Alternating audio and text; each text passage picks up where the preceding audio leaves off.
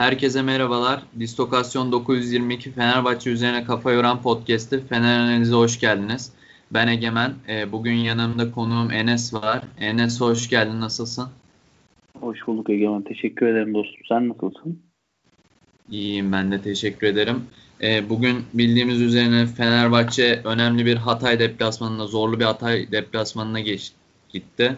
E, buradan 2-1'lik değerli bir 3 puanla ayrıldı takımımız. E, bugün üzerinden e, nasıl değerlendirirsin maçı Enes? Ben fikirlerini öğrenmek istiyorum. Ee, çok önemli bir deplasmandı. Özellikle Beşiktaş'ın da şu an artan formu e, ve üzerine bir Trabzon mağlubiyetiyle liderliği alan Fenerbahçe var. Liderliği kaybetmemek adına e, önemli bir galibiyetti. E, ve e, şu anda önümüzde Galatasaray derbisini de düşünecek olursak Galatasaray derbisi öncesi yapılacak bir puan kaybı derbide bizi daha çok strese sokacaktı. Hem oyun anlamında hem skor anlamında. E, bu yüzden Fenerbahçe çok önemli bir galibiyet aldı. Bunu oynayacak futbolu oynadık mı? E, bu biraz tartışmaya açık bir konu açıkçası. E, özellikle Altay Bayındır'ın maçın yıldızı olduğunu düşünürsek bence çok fazla oynamadık. E, ama tabii ki bunun üzerinde konuşacağız. E, bununla ilgili önemli eksiklikler de vardı. Luis Gustavo'nun ikinci yarıda olmaması takımı komple e, kompak oyundan düşürdü. E, Pelkas'ın olmaması, üçüncü bölgede topu tutamaması sağladı vesaire vesaire. Bunları daha detaylı konuşacağız tabii ki. Ama Fenerbahçe çok altın değerinde bir 3 puanla e, gerçekten derbi öncesi aynı zamanda Galatasaray e, Beşiktaş'ın da puan kaybıyla yakaladığı liderliği bırakmamak adına çok önemli bir galibiyet aldı diyebiliriz. Evet, e, ben de katılıyorum seninle aynı şekilde. Yani ben de e, bugün zor bir maç olacağını düşünüyordum. Hatta e, bana göre şu anda şu anki formları göz önünde bulundursak ligin en zor Anadolu deplasmanı diyebilirim ben Hatay deplasmanı için. Çok formda bir takımda Hatay Spor. E, bu Penzası, işte Mehmet Yufu, e, cezalı olan bir David diye bir oyuncuları vardı. Onun da eksikliği yine bizim avantajımıza geldi.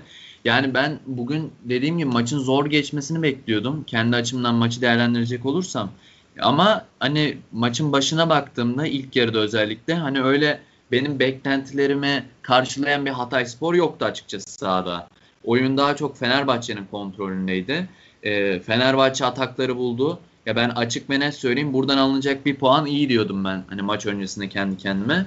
Ve Fenerbahçe hani ilk yarıda oyunun hakimiydi aslında. Bölüm bölüm bazı kesiklikler oldu ancak e, pozisyon açısından iyi bir ilk yarı geçirdik. E, sonrasında işte ilk yarıda e, Mamet Yam'ın attığı bir gol var ki ben böyle zor deplasmanlarda aslında Mamet Yam'ın her zaman gol atacağını düşünenlerdendim. Bugün de e, bu düşüncem doğru çıktı. E, Osayi'nin güzel bir çalımlamasının ardından Mamet Yam'a kestiği bir top ve e, kaleciden dön- dönen topu tamamlaması Mamet Yam'ın gerçekten önemliydi. E, şimdi ben şunu değer sormak istiyorum sana.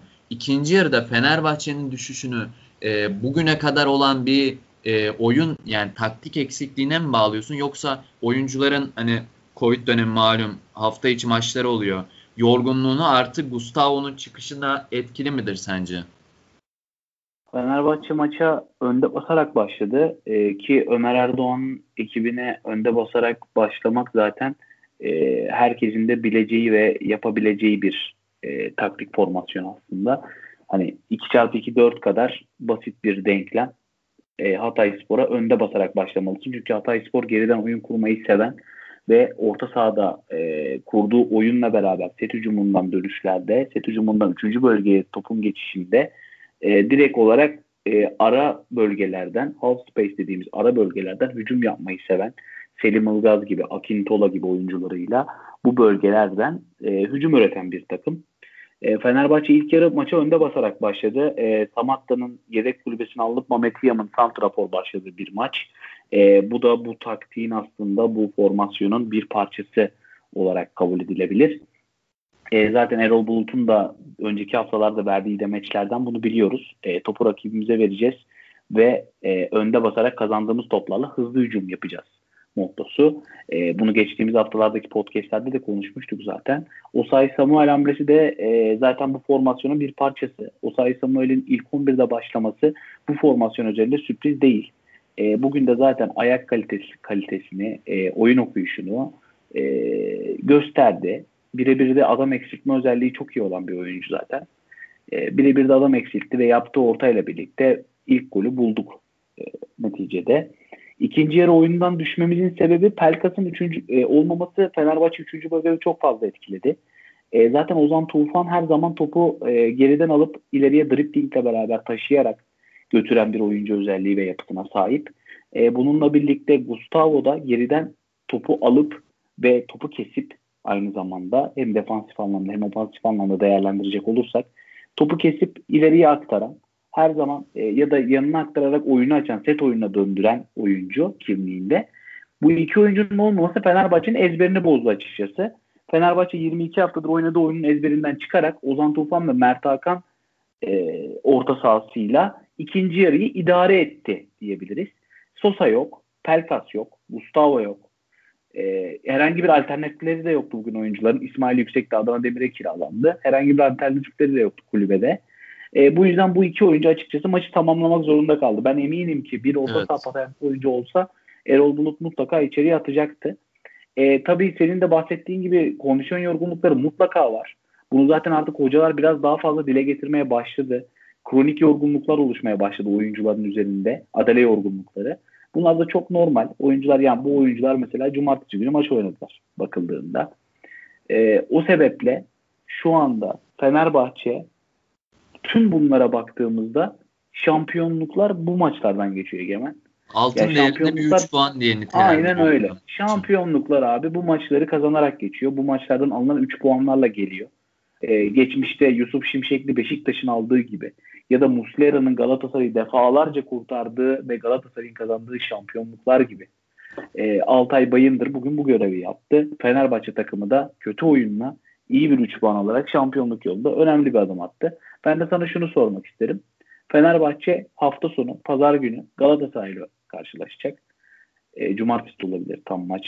Günü yanlış söylemiş evet. olabilirim. E, cumartesi günü akşam Galatasaray ile karşılaşacak. Galatasaray'da şu an mevcutta e, yeni oyuncu e, alımları ve kadroya bu oyuncuların monte edilmesi gibi bir durum var. Onyekuru gibi. Bugün Mustafa Muhammed oynadı. E, bununla alakalı Fenerbahçe hafta sonu sence e, Galatasaray karşısına aynı e, formasyonla mı çıkacak?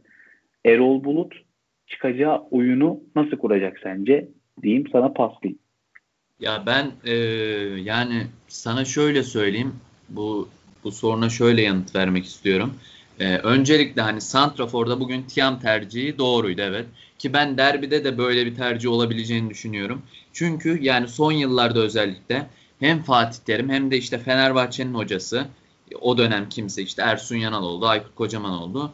Şimdi Erol Bulut. Yani e, son 3-4 yıldır artık bu camialar arasında gerilimlerden dolayı bu iki hoca yani şey ka- kaybetmeye veya kazanmaya çıkmıyor. Ondan dolayı hani yine ben e, ilk yarıdaki maç gibi ilk yarıda Galatasaray'la oynadığımız deplasmanda 0-0 biten maç gibi e, rakibin oyununu bozmaya yönelik bir e, taktikle çıkması yani çıkacağını düşünüyorum Erol Bulut'un. Ki bana göre Fenerbahçe bu ligde e, en kaliteli oyuncu grubuna sahip. Kendi oyununu oynadığı takdirde, kendi şeyini oynadığı takdirde e, Galatasaray'ı yenebilir. Yani Galatasaray da tabii ki iyi bir takım. Ancak şunu söylemek istiyorum ben. Şimdi hani formasyon evet formasyon diziliş baktığımızda böyle olacaktır muhtemelen. Ancak e, bu takımda özellikle ben e, oyuncu oyuncu gidecek olursam yani ben Mert Hakan Yandaş'ı hiç beğenmedim. Yani bir oyuncu 6 aydır efendim devam edebilirsin. Bir şey soramadım. Evet. Ee, bir oyuncu 6 aydır Fenerbahçe'de ve Emre Belezoğlu'nun değer verdiği bir oyuncu. Galatasaray'la transfer yarışına girilip alınan bir oyuncu. Yani bir insan hiç mi üstüne koymaz ya? Ya bu kadar toplara çelimsiz vurulur mu? Bu kadar mı fizik gücün düşük Mert Hakan? E, son anlarda hatırlarsan birkaç kontra atak pozisyonunda Mesut Özil de sahadaydı o esnada. Yani Mesut Özil'in tabii ki Mesut Özil ile Mert Hakan'ı kıyaslamıyorum ama Mert Hakan yapabileceği en kötü tercihleri yaptı o pozisyonlarda ki onları doğru yapmış olsaydı Fenerbahçe son anları bu kadar e, sıkıntılı geçirmeyecekti. Biz Altay'ı bu kadar konuşmayacaktık. Yani ben şimdi e, derbide dediğim gibi hani rakibin oyununu bozmaya yönelik önce ben bir beraberliği alayım tarzında bir oyun kurgusuna yaklaşacağını düşünüyorum Erol Bulut'un. Ki Fatih Terim'in de ben bu düşüncede olacağını düşünüyorum. Yani bu takımda özellikle bugün maça baktığımda ikinci yarıya baktığımda Gustavo bu takımın bel kemiği olduğunu gördüm ben.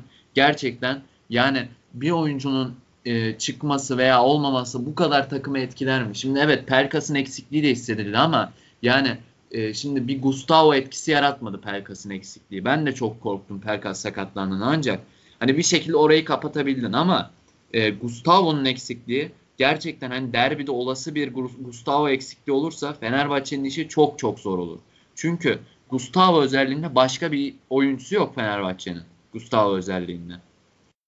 Ya ondan dolayı hani e, baktığımızda e, zor bir derbi olacaktır. E, Erol Bulut dediğim gibi hani oyunu daha çok e, rakibi bozmaya yönelik kuracağını düşünüyorum ki bundan dolayı da Mamet yine ileri uçta olur diye düşünüyorum Samatta'dan daha çok. E, yani şimdi ben sana başka bir şey sormak istiyorum. Şimdi Fenerbahçe'ye baktığımızda bugün 48 puanı var. E, ya bu takım Erol Hoca bu takım bu kadar eleştirilmeye hak ediyor mu sence?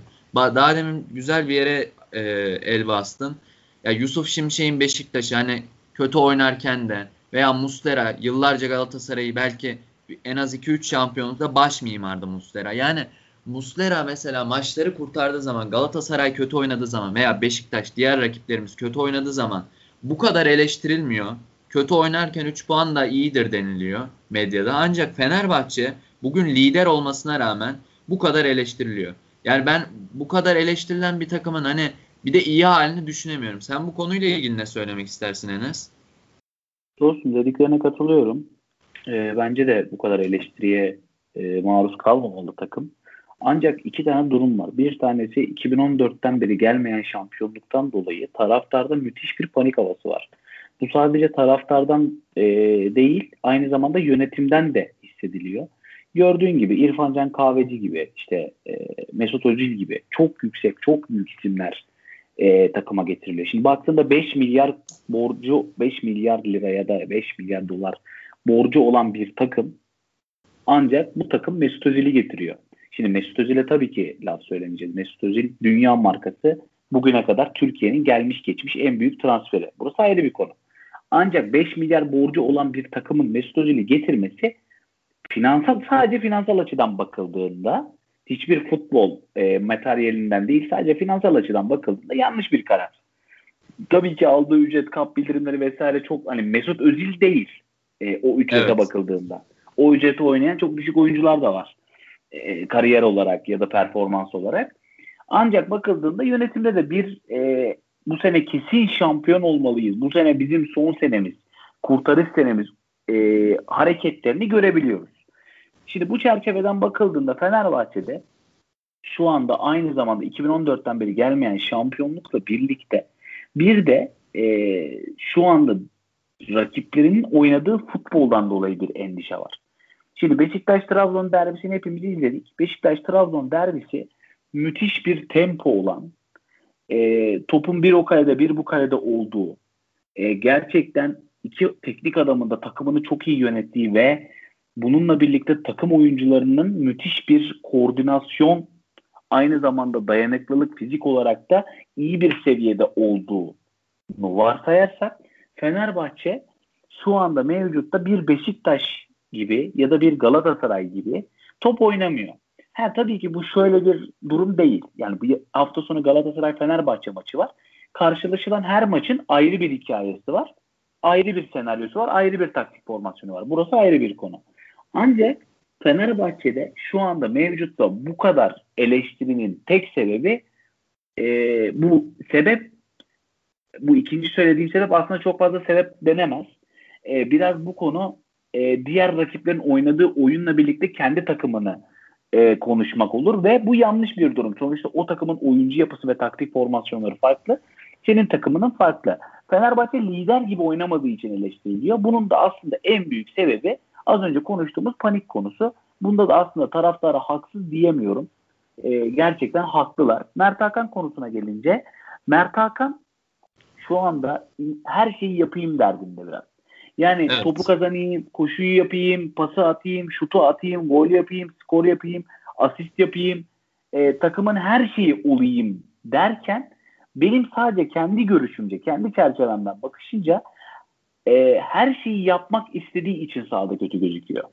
Yani mevcutta sadece kendi futbolunu oynasa ve kendi tanımlarını yerine getirse bence Mert Hakan şu anda mevcutta yeterli seviyede olabilecek bir oyuncu. Şimdi Salah'ı hepimiz çok övdük. İlk geldiği maçta. Müthiş bir hücum oyuncusu. inanılmaz toplar dağıttı. Üçüncü bölgeye çok iyi çıktı. E, bu şekilde konuşmalar yaptık. Hatta senle de bunun podcastini çektik. Evet. E, bir de Serdar Aziz var. Şimdi Serdar Hı. Aziz görevi nedir? Defans oyuncusu. Yapması gereken şeyler belli. Öyle değil mi? Takımın evet. gol yememesi, rakip santraforu savunma, e, takımın rakip takımın hücum aksiyonlarını kesme gibi gibi gibi. Bir defans oyuncusunun, tipik bir defans oyuncusu ne yapması gerekiyorsa yapması gereken o. Burada entikiriz öyle değil mi? Evet aynen öyle. Serdar Aziz Atilla Salahi'nin yaptığı hücum aksiyonlarını yapmıyor. Ama biz bunun için Serdar Aziz'i eleştirmiyoruz.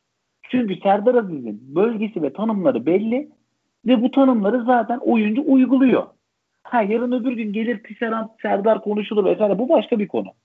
Ancak Serdar oynadığı oyunu ya da Altay Bayındır oynadığı oyunda sadece tanımlarını yerine getiriyor. Bu durum Mert Hakan'da böyle değil. Mert Hakan hocanın gözüne girmek, yönetim gözü, gözüne girmek. Şimdi transfer oldu. E, bir maliyetle transfer oldu. Üzerinde bunun da baskısı var anlayabiliyorum. E, üzerinde çok fazla şeyle geldi e, buraya. Hani Emre güvendi, hoca güvendi, takım güvendi. Evet, ciddi bir işte, baskı e, vardı. Aynen öyle. Sezon başı, karşı olan da bir. Aynen öyle. Sezon başı Galatasaray'la çekişme oldu. Ona rağmen geldi. Geçen sene gerçekten iyi bir oyun oynuyordu ligde. Bunun da bunu da özlüyor oyuncu. Mutlaka özlüyor. Bunların oluşturduğu baskı Mert Hakan şu an bunu yönetemiyor. İlk defa büyük takımda oynuyor. Aslında e, bir Anadolu oyuncu... takımından geldi. Dinliyorum.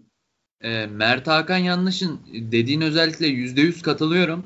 Yani bunu anlamak için hani bu dediklerini anlamak için e, böyle acayip bir futbol bilgisine sahip olmaya bile gerek yok. Adamın sahadaki hal ve mimikleri bunu gösteriyor aslında. Yani koşuşu bile senin dediğin e, profilde yani senin dediğin şeyleri yapmaya çalışan bir oyuncu olduğunu gösteriyor. Yani koşuşu bile bir farklı. Hani istiyor, ya en basit mücadele atıyor, ediyor.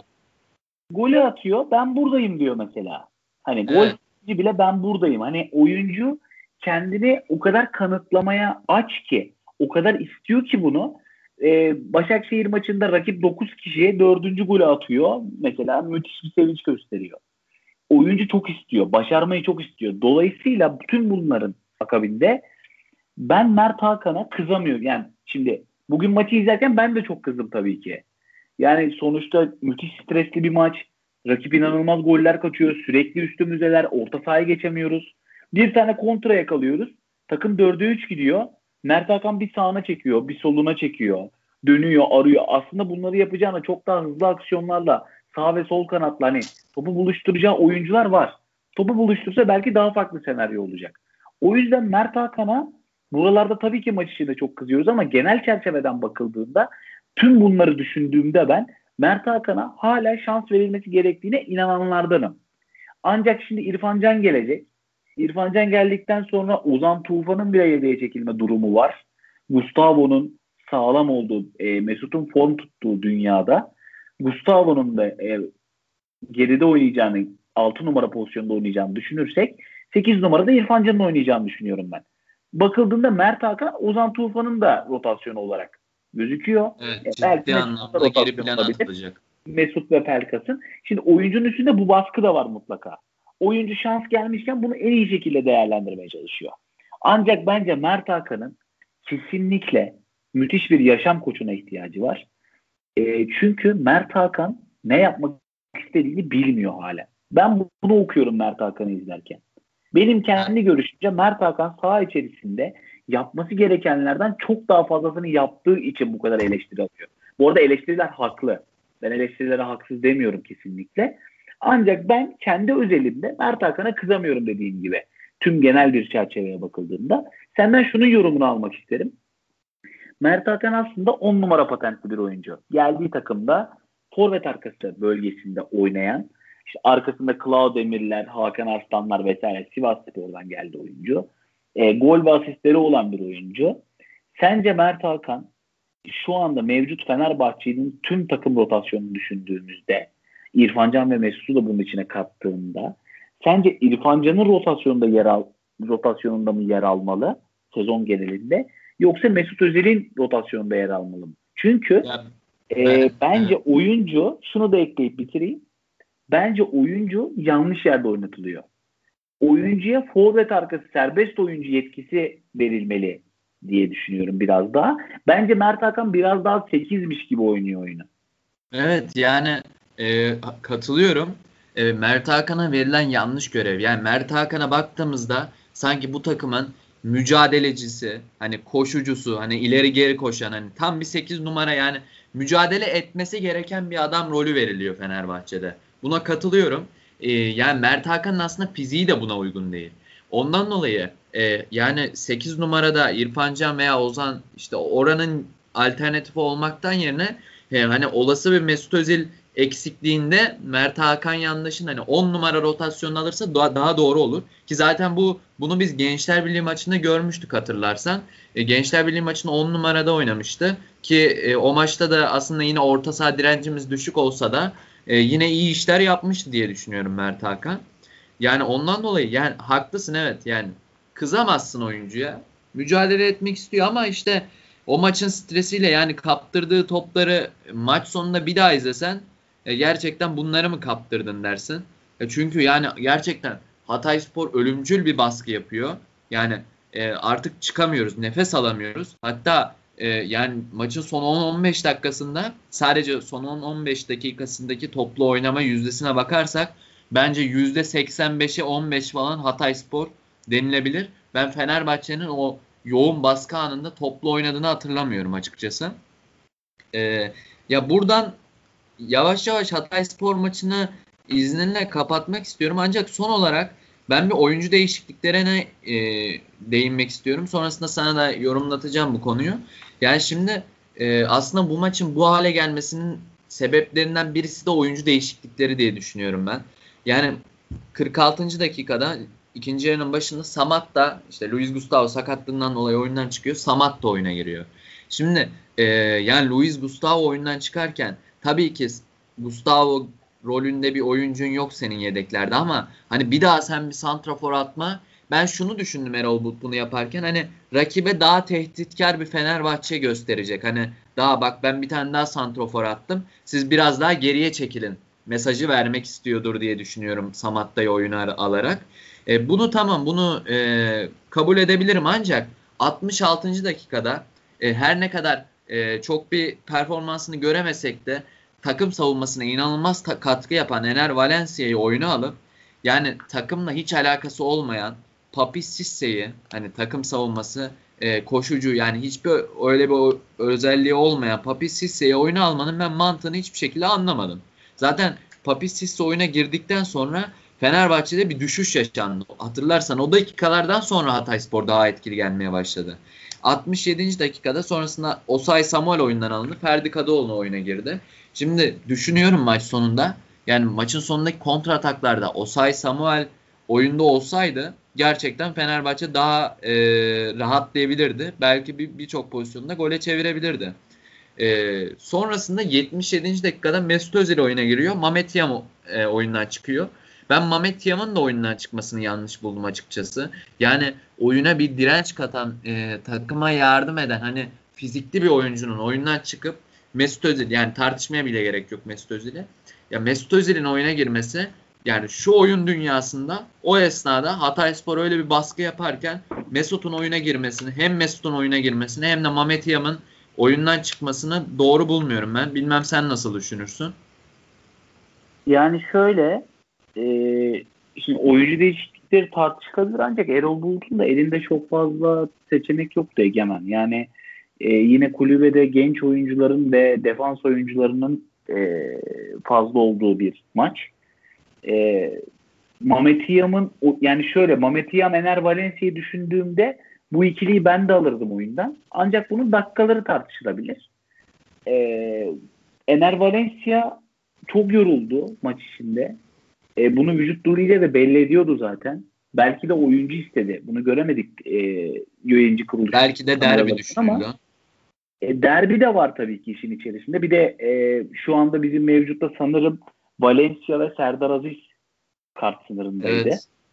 E, Valencia'yı kart sınırından da erken almış olabilir. Hı hı. E, yani Sisse'yi sokmayıp sokabileceği bir oyuncu yoktu. Ya ben ee, şöyle tabii. düşünüyorum.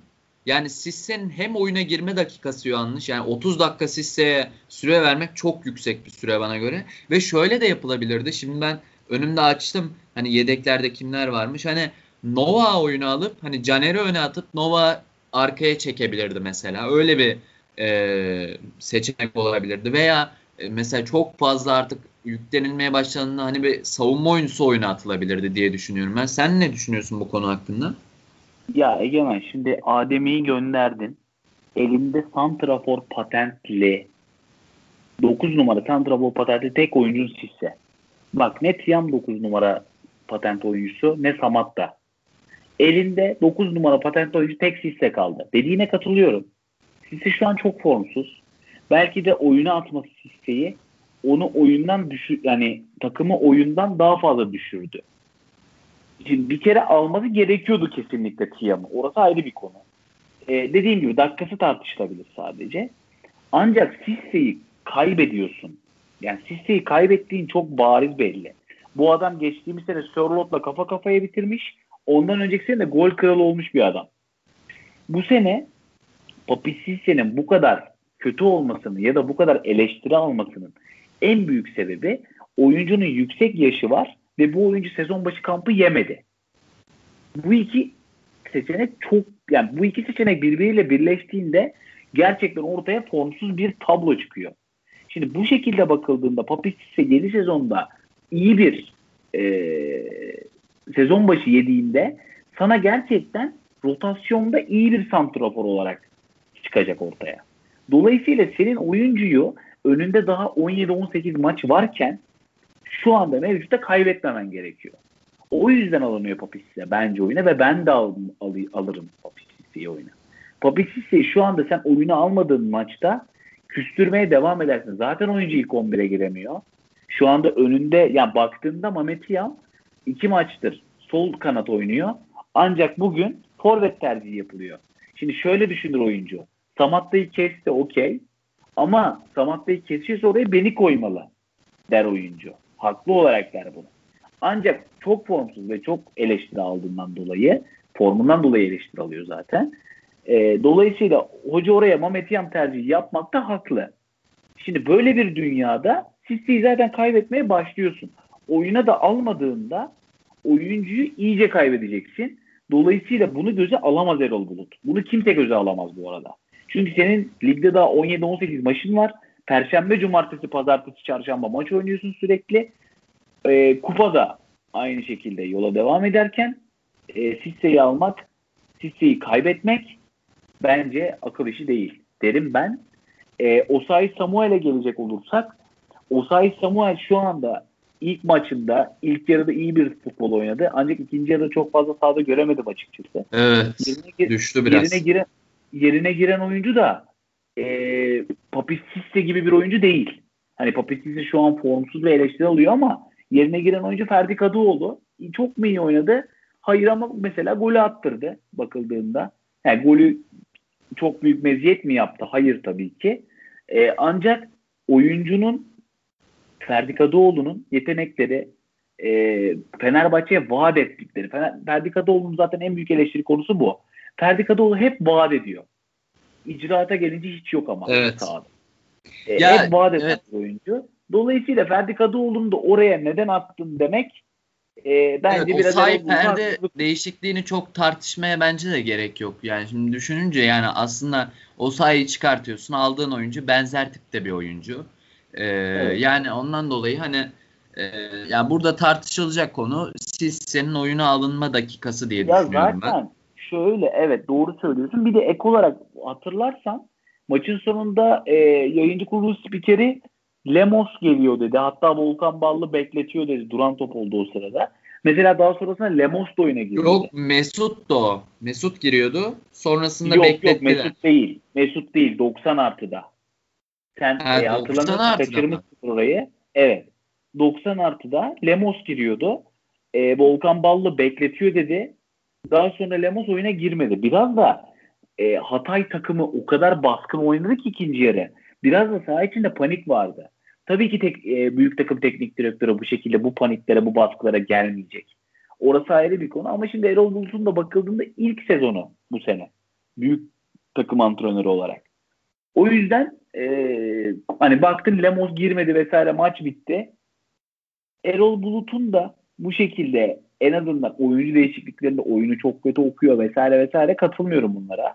Bunu Yok, sen söylemiyorsun. Zaten bugüne pardon. kadar oyuncu değişikliklerinde evet. başarılı olan bir teknik adam. Sosyal medyada söyleniyor bu durum. Ben buna çok fazla katılmıyorum açıkçası. Sonuçta maça ilk yarı iyi bir e, Fenerbahçe ile çıktı sahaya. İyi bir formasyonla çıktı. E sen de söyledin zaten. Fenerbahçe lider. Yani Fenerbahçe şu an 7. 8. değil. Fenerbahçe lider şu anda. E, evet. E, lider bir takımın hocasını bu kadar yerden yere vurmaya gerek var mı? Şimdi herkes bu takımı bana ver ben bu takımı yönetirim der sorsam. Sana Yönetemezsin. Sorsam, bu takımı yönetmek bu ya takımı bu, yönetmek kötü bir takımı yönetmekten daha zordur bence. Öyle söyleyeyim. Ben sahanın içinde e, 2006'dan 2020'ye kadar bulundum. E, saha içinde çok iyi bilirim. Arka planı da çok iyi bilirim. Çok fazla e, büyük takımlarda oynamasam da fena kariyerim yoktur. E, Erol Bulut'un mevcutta arka planda %95 bizim izlediğimizi de %5 olarak yönettiğini düşünüyorum. Yani bizim izlediğimiz Fenerbahçe'nin %5'i.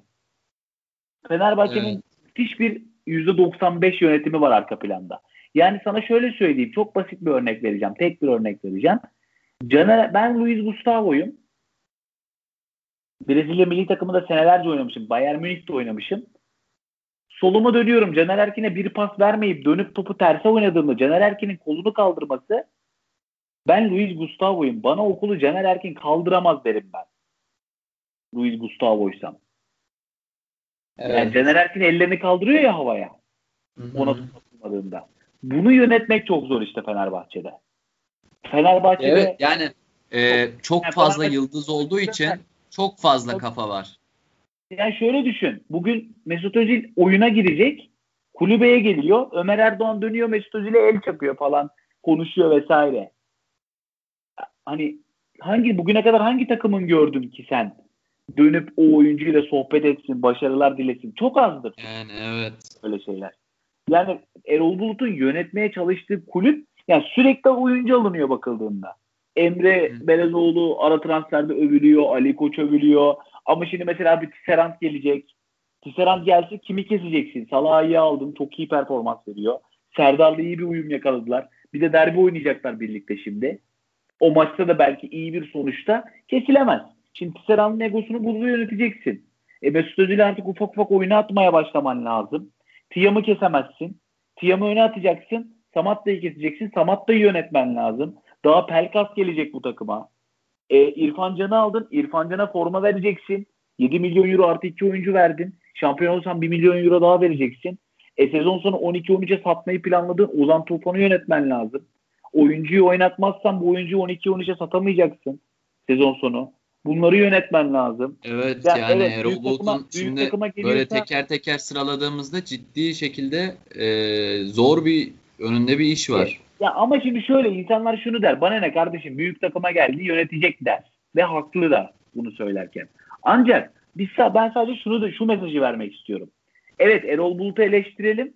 Zaten her zaman eleştiriden çıkacak derslerle kendimizi geliştirebiliriz. Ancak eleştirirken de çuvaldızı biraz takıma batıralım. Yani her şey Erol Bulut'tan kaynaklanmıyor bu takımda. Yani evet. Erol Bulut'un kötü Türkçesinden dolayı Alman patentli olduğu için kendisi kötü Türkçesinden dolayı açıklayamadığı bence çok fazla şey var. E bunu bence de bu da, bu da önemli bir şey. Hani tabii bunu takım sahada da gösteremiyor ancak e, biraz da bu eleştirileri bırakalım. Bence bu eleştirileri yönetim de istemiyor yapılmasını. Çünkü Emre Belezoğlu gidiyor İrfan Can'ı getiriyor. E, ya da örnek vereyim sana. Mert Hakan e, bir maçta dönüyor tribünde Erol Bulut ona bir şeyler anlatmaya çalışırken Emre Evet o çok sıkıntılı bunlar, bir görüntüydü. Bunlar Erol Bulut'u Erol Bulut'u yaralayabilecek konular. olduğu için ya da otoritesini sarsabilecek konuları olduğu için Erol Bulut bence şu ana kadar bu takımı fena yönetmedi. Bak da Osayi Samuel gelecek. Santrafor'da evet. sen Tiam'ı, Samatta'yı, Valencia'yı Santrafor'da kullanacaksın belki sadece. Şimdi Osayi Samuel ve Pelkas'ı iyi bir oyunda nasıl keseceksin? Artık hafta içi çok fazla maç da kalmadı. Rotasyon da yapamazsın. Kupada zaten çeyrek finaldesin. Vesaire vesaire. Yani bunları konuşsak çok daha fazla dediğim gibi hani çok fazla şey konuşabiliyoruz. Anlatabiliyor muyum? Şu ana evet. kadar 10 madde saydım. Onu konuyu açıyor. Tabii 10 madde saydım 10 madde daha sayarım. Derbide Gökhan Gönül iyileşirse Nazım'ı kesecek misin mesela? Gökhan ya Gönül. Evet, ben e, yavaş yavaş istersen derbiye yönelik de e, sohbete geçelim. Yani e, şimdi çok güzel bir yere değindin ki benim de e, düşündüğüm bir şeydi bu. Yani ister nasıl girelim yani hani oyuncu tercihlerinden mi girelim? Bilmem sen bilirsin yani nasıl yapalım? Böyle yapalım. Genel bir giriş yapalım. Ee, bu girişi de ben yapayım sana paslayayım. Olur öyle yapalım tamam. Fenerbahçe ve Galatasaray e, şu anda Fenerbahçe tarihinde zaten işte 22 yıl 23 yıl son maç 99 Hakan Şükür 2-1'lik maçtan sonra e, Fenerbahçe'nin müthiş bir galibiyet serisi yenilmeme serisi diyelim daha doğrusu. E, bu seri geçen sene 3-1'lik skorla bozuldu bizim sahamızda. E, bu seri bozulmadan artık o son 5-6 sene gerçekten içeride futbol oynanmadı. Evet ee, ben hayırlı olduğunu düşünüyorum o mağlubiyetin. Ben de hayırlı olduğunu düşünüyorum. O gün tabii ki çok üzüldük. Hepimiz kahrolduk. Orası ayrı bir konu. Ee, ancak bakıldığında bence Fenerbahçe ve Galatasaray için ya da Türk futbolu için çok iyi bir konu oldu.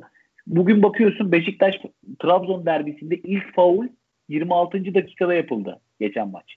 26 dakika boyunca akan bir oyun. Oyunu yavaşlatma yok. E, her iki takım da futbol oynamak istiyor.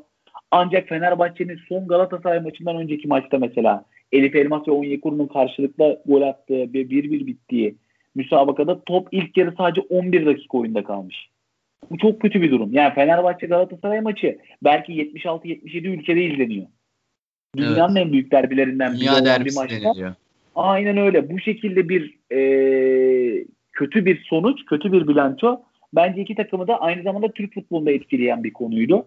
O yüzden bunun çözüldüğü bence benim adıma ya da bir Fenerbahçe seyircisi olarak izlediğimde kendi adıma e, güzel oldu. Geçen sene bizim Galatasaray'ı kaybetmemiz dediğim gibi tabii ki o gün çok üzüldük. Kaybetmeseydik keşke tabii ki diyoruz. Ancak kaybettik bitti artık. E, geçmişin kimseye bir e, keşkesi vesaire faydası yok. O yüzden bakıldığı zaman Fenerbahçe şu anda yepyeni bir sayfayla kendi sahasında Galatasaray ağırlayacak e, geçen seneden e, Fenerbahçe'yi tanıyan ve bu atmosferi bilen e, ve açıkçası bizi o maç e, çok zorlayan bir Onyekuru döndü. İyi döndü. Oynadığı iki maçta gol attı. Fatih Terim'in takımı şu an 4'te 4 yaparak ilerliyor. Aynı zamanda çok formda olan Ocak ayında maç kaybetmeyen bir Fenerbahçe var karşılarında. Bence 8'de 7 ile gelmiş Fenerbahçe. Aynen öyle. İki takım da birbirini test edecektir. İlk 15 dakika 20 dakika e, iki takımın da çok fazla e, topu hükmetmeye çalışacağını düşünmüyorum ben. İki takım da birbirini tanımaya ve test etmeye çalışacaktır. Galatasaray kazandığı toplarla Onyekuru, Fenerbahçe kazandığı toplarla Valencia, Osayi e, arka kuşularla besleyerek e, bir oyunla başlayacaklarını düşünüyorum. Aynı zamanda Tiam. E, Fenerbahçe bu maça bence Serdar Salah'ı bozmadan çıkmalı. Gustavo'nun durumu henüz netleşmedi. E, ancak Emre Belezoğlu'nun da açıklamalarından yola çıkacak olursak çok büyük bir sorun olmadığını sadece tedbir amaçlı oyundan alındığını söyledi Emre Belezoğlu. E, o yüzden umarım oynar Gustavo. Evet. Gustavo oynamalı bu maç. Ozan oynamalı. Ya ben ki. şöyle düşünüyorum Gustavo ile ilgili. Ben e, Twitter'da da hani belirtiyorum bu konuyu. E, bizim kulüp doktorlarında bence bir sıkıntı var. Yani bu kadar sakatlığın olması yani hayır alamet değil. Yani ben Gustavo'nun ama hani o sakatlıklardan daha çok Gustavo'nun daha güçlü bir oyuncu olduğunu düşünüyorum. Daha karakterli. Yani öyle e, bir sakatlıkta gidecek bir oyuncu olduğunu düşünmüyorum. Gerçekten derbide Gustavo'nun oynayıp oynamayacağı çok önemli. Ki Gustavo da bunu bildiği için e, yani böyle çok önemli bir sakatlığı yoksa ki ben olduğunu da düşünmüyorum. Darbeye umarım bugünkü sakatlığı darbeye dayalı bir sakatlıktır. Ödem. Çünkü darbe... Ödem dedi Emre Ödem dedi.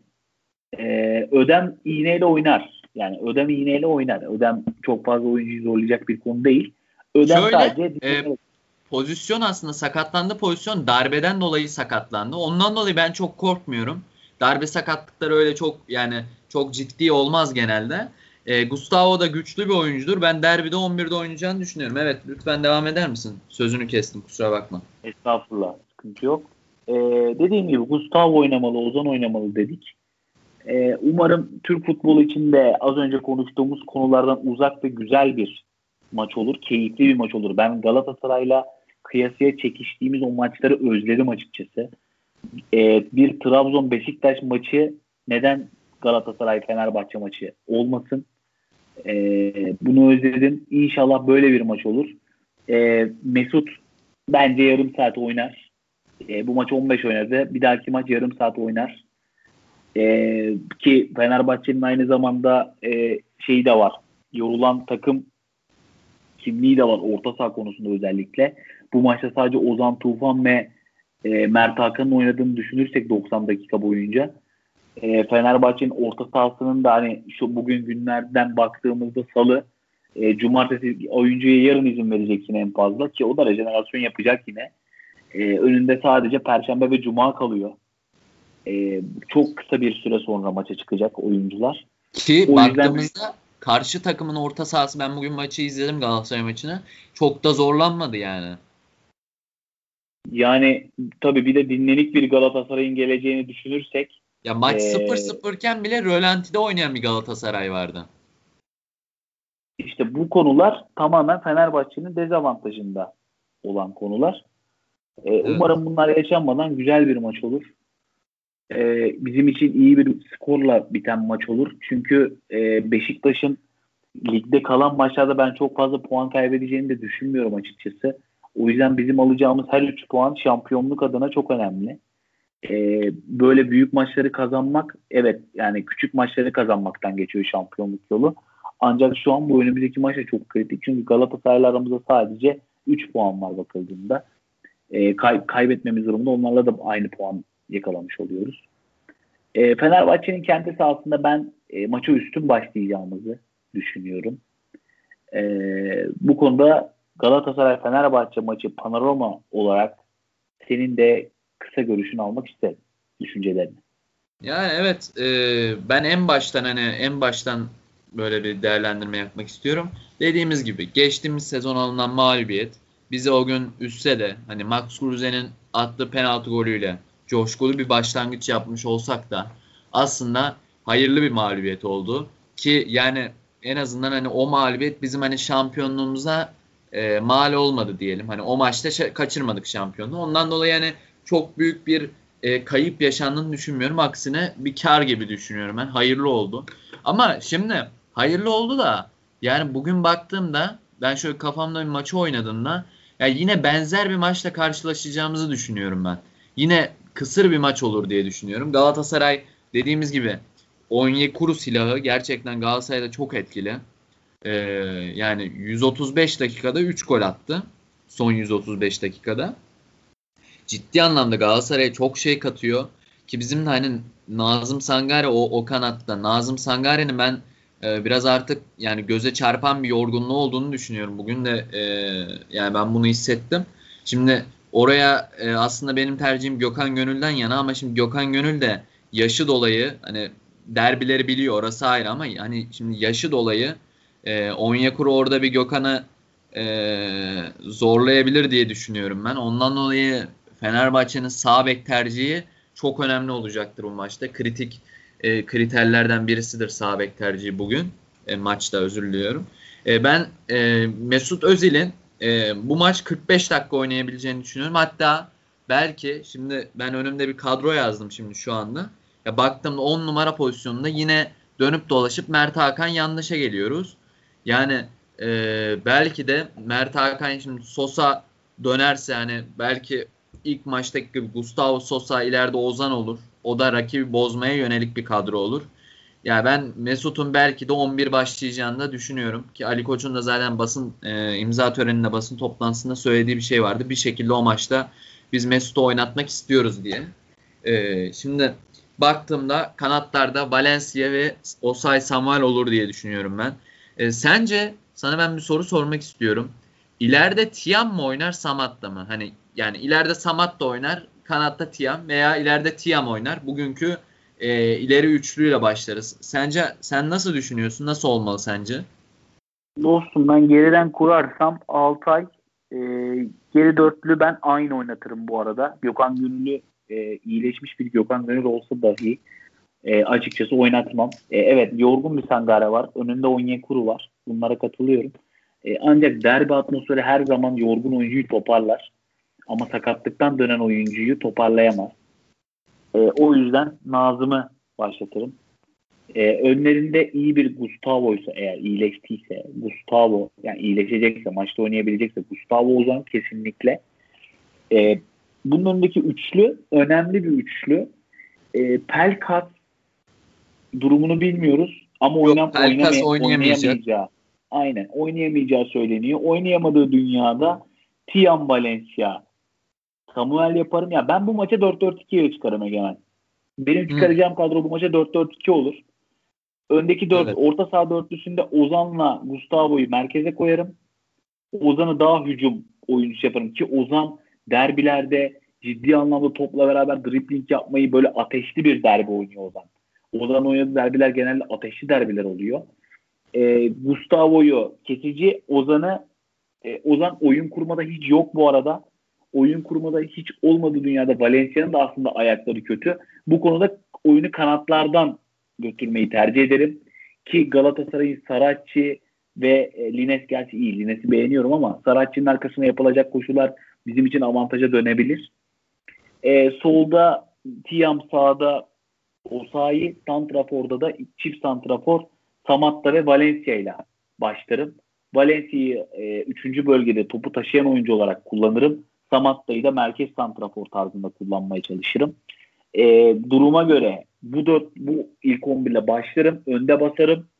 E, duruma göre oluşacak neticeler doğrultusunda ikinci yarı Mert Hakan hamlesi yerine Mesut'la başlarım. Eğer 4-2-3'e tekrardan döneceksem 10 numara bölgesinde Mesut'la başlarım. E, Mesut da evet bir buçuk senedir top oynamadı ama e, bence üstün klasman maçlarını, e, piyasa maçlarını özlemiştir. E, ve bunu tatmak istiyordur diye düşünüyorum ki Galatasaray derbisini kim oynamak istemez? Özellikle Fenerbahçeli olan bir e, insandan bahsediyoruz. E, bu anlamda Mert Hakan'la başlamam ama Mesut'la da ilk 11 ile başlamam. E, öyle söyleyeyim. E, bu çerçeveden baktığımda 65 gibi artık Ozan Mert değişikliği yaparım. Orta sahayı güçlü tutmak adına. E, benim derbi 11'im ve değiştireceğim oyuncular bu şekilde oldu. Tabii ki bunun arka planında 3. 4. 5. oyuncu değişikliklerini söylemedim. E, ama ilk etapta ben bu şekilde başlarım ve bu şekilde aksiyon alırım. Ben kendi 11'imi söyleyeyim. Ee, ben Tabii. zaten kalede Altay. Ee, defans dörtlüsü Caner Salay Serdar. Yani şimdi gerçekten sağ bekte kararsız kaldım. Ee, Gökhan Gönül'ün sakatlıktan dönmüş olsa da hani ben ne kadar Gökhan Gönül'ü biraz daha yakın görsem de aslında yani son bir saatte %51 Nazım %49 Gökhan. Yani o da hani çok milimlik bir farkta. Nazım'ı önde görüyorum. Çok küçük de olsa. Ama hani yorgunsa kesinlikle Nazım'la başlanmamalı. Ee, şimdi ön tarafta yani orta saha ikilisinde ben Sosa'nın hani zehirlenmiş Sosa e, cumartesiye kadar iyileşir diye düşünüyorum ben. Hani Sosa olursa Gustavo Sosa önlerinde Ozan yaparım. Hani şöyle Mesut Özil'in 11 oynayamayacağı bir dünyada ben bu üçlüyü yaparım. Gustavo Sosa önlerinde Ozan. Hiçbir şekilde Mert Hakan yanlış tercih etmem. 4-4-2'yi de mantıklı bulmuyorum. Ee, sağda Valencia, solda Osayi. Ee, ileride e, Tiam yaparım diye düşünüyorum ben. Ee, şimdi 4-4-2'yi neden mantıklı bulmadığımı da açıklayayım.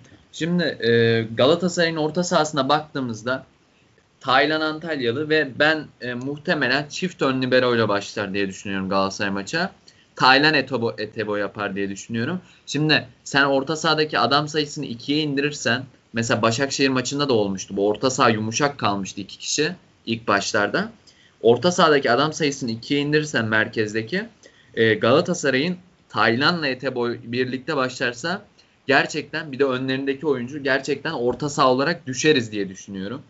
E, ondan dolayı hani yine 4-2-3-1 mantı, mantalitesi bana mantıklı geliyor. Vallahi dostum sana şöyle bir virgül koyayım.